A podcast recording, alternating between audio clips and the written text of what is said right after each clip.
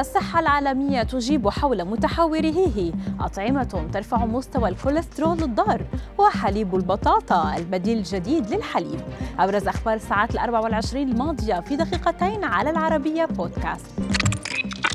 منذ أوائل الشهر الحالي تناقل مستخدمو مواقع التواصل الاجتماعي منشورات تدعي إعلان منظمة الصحة العالمية ظهور متحور هيه الخطير في إحدى المدن الصينية.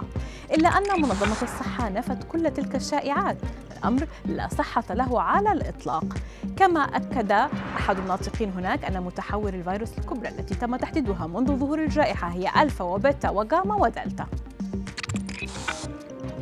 تعد قيلولة منتصف النهار أمرا شائعا في غالبية الثقافات وذلك لحاجتنا لقسط من الراحة وشحن طاقتنا مجددا لكن بعض الدراسات خلصت إلى أن البالغين الذين يأخذون قيلولة طويلة خلال النهار قد يكونون أكثر عرضة للإصابة بأمراض مثل داء السكري وأمراض القلب والاكتئاب. وربما يكون النوم خلال النهار علامة على عدم الحصول على قسط كاف من النوم ليلا وهو ما يرتبط بارتفاع مخاطر الإصابة بهذه الحالات المزمنة.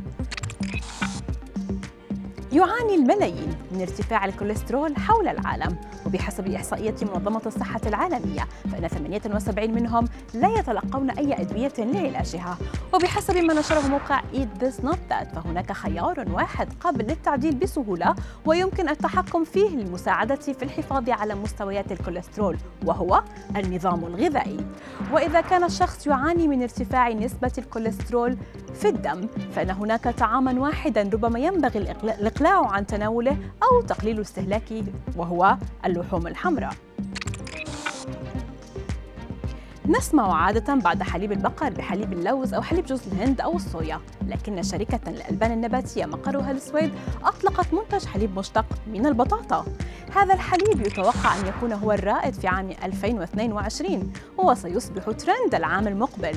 وربما يتفوق على أنواع الحليب الأخرى نظرا لأنه غني بالعديد من الفوائد الصحية. فحليب البطاطا يحتوي على النسبة المنخفضة من الدهون المشبعة والسكر والكوليسترول وهو خال من مسببات الحساسية الشائعة مثل اللاكتوز والجلوتين.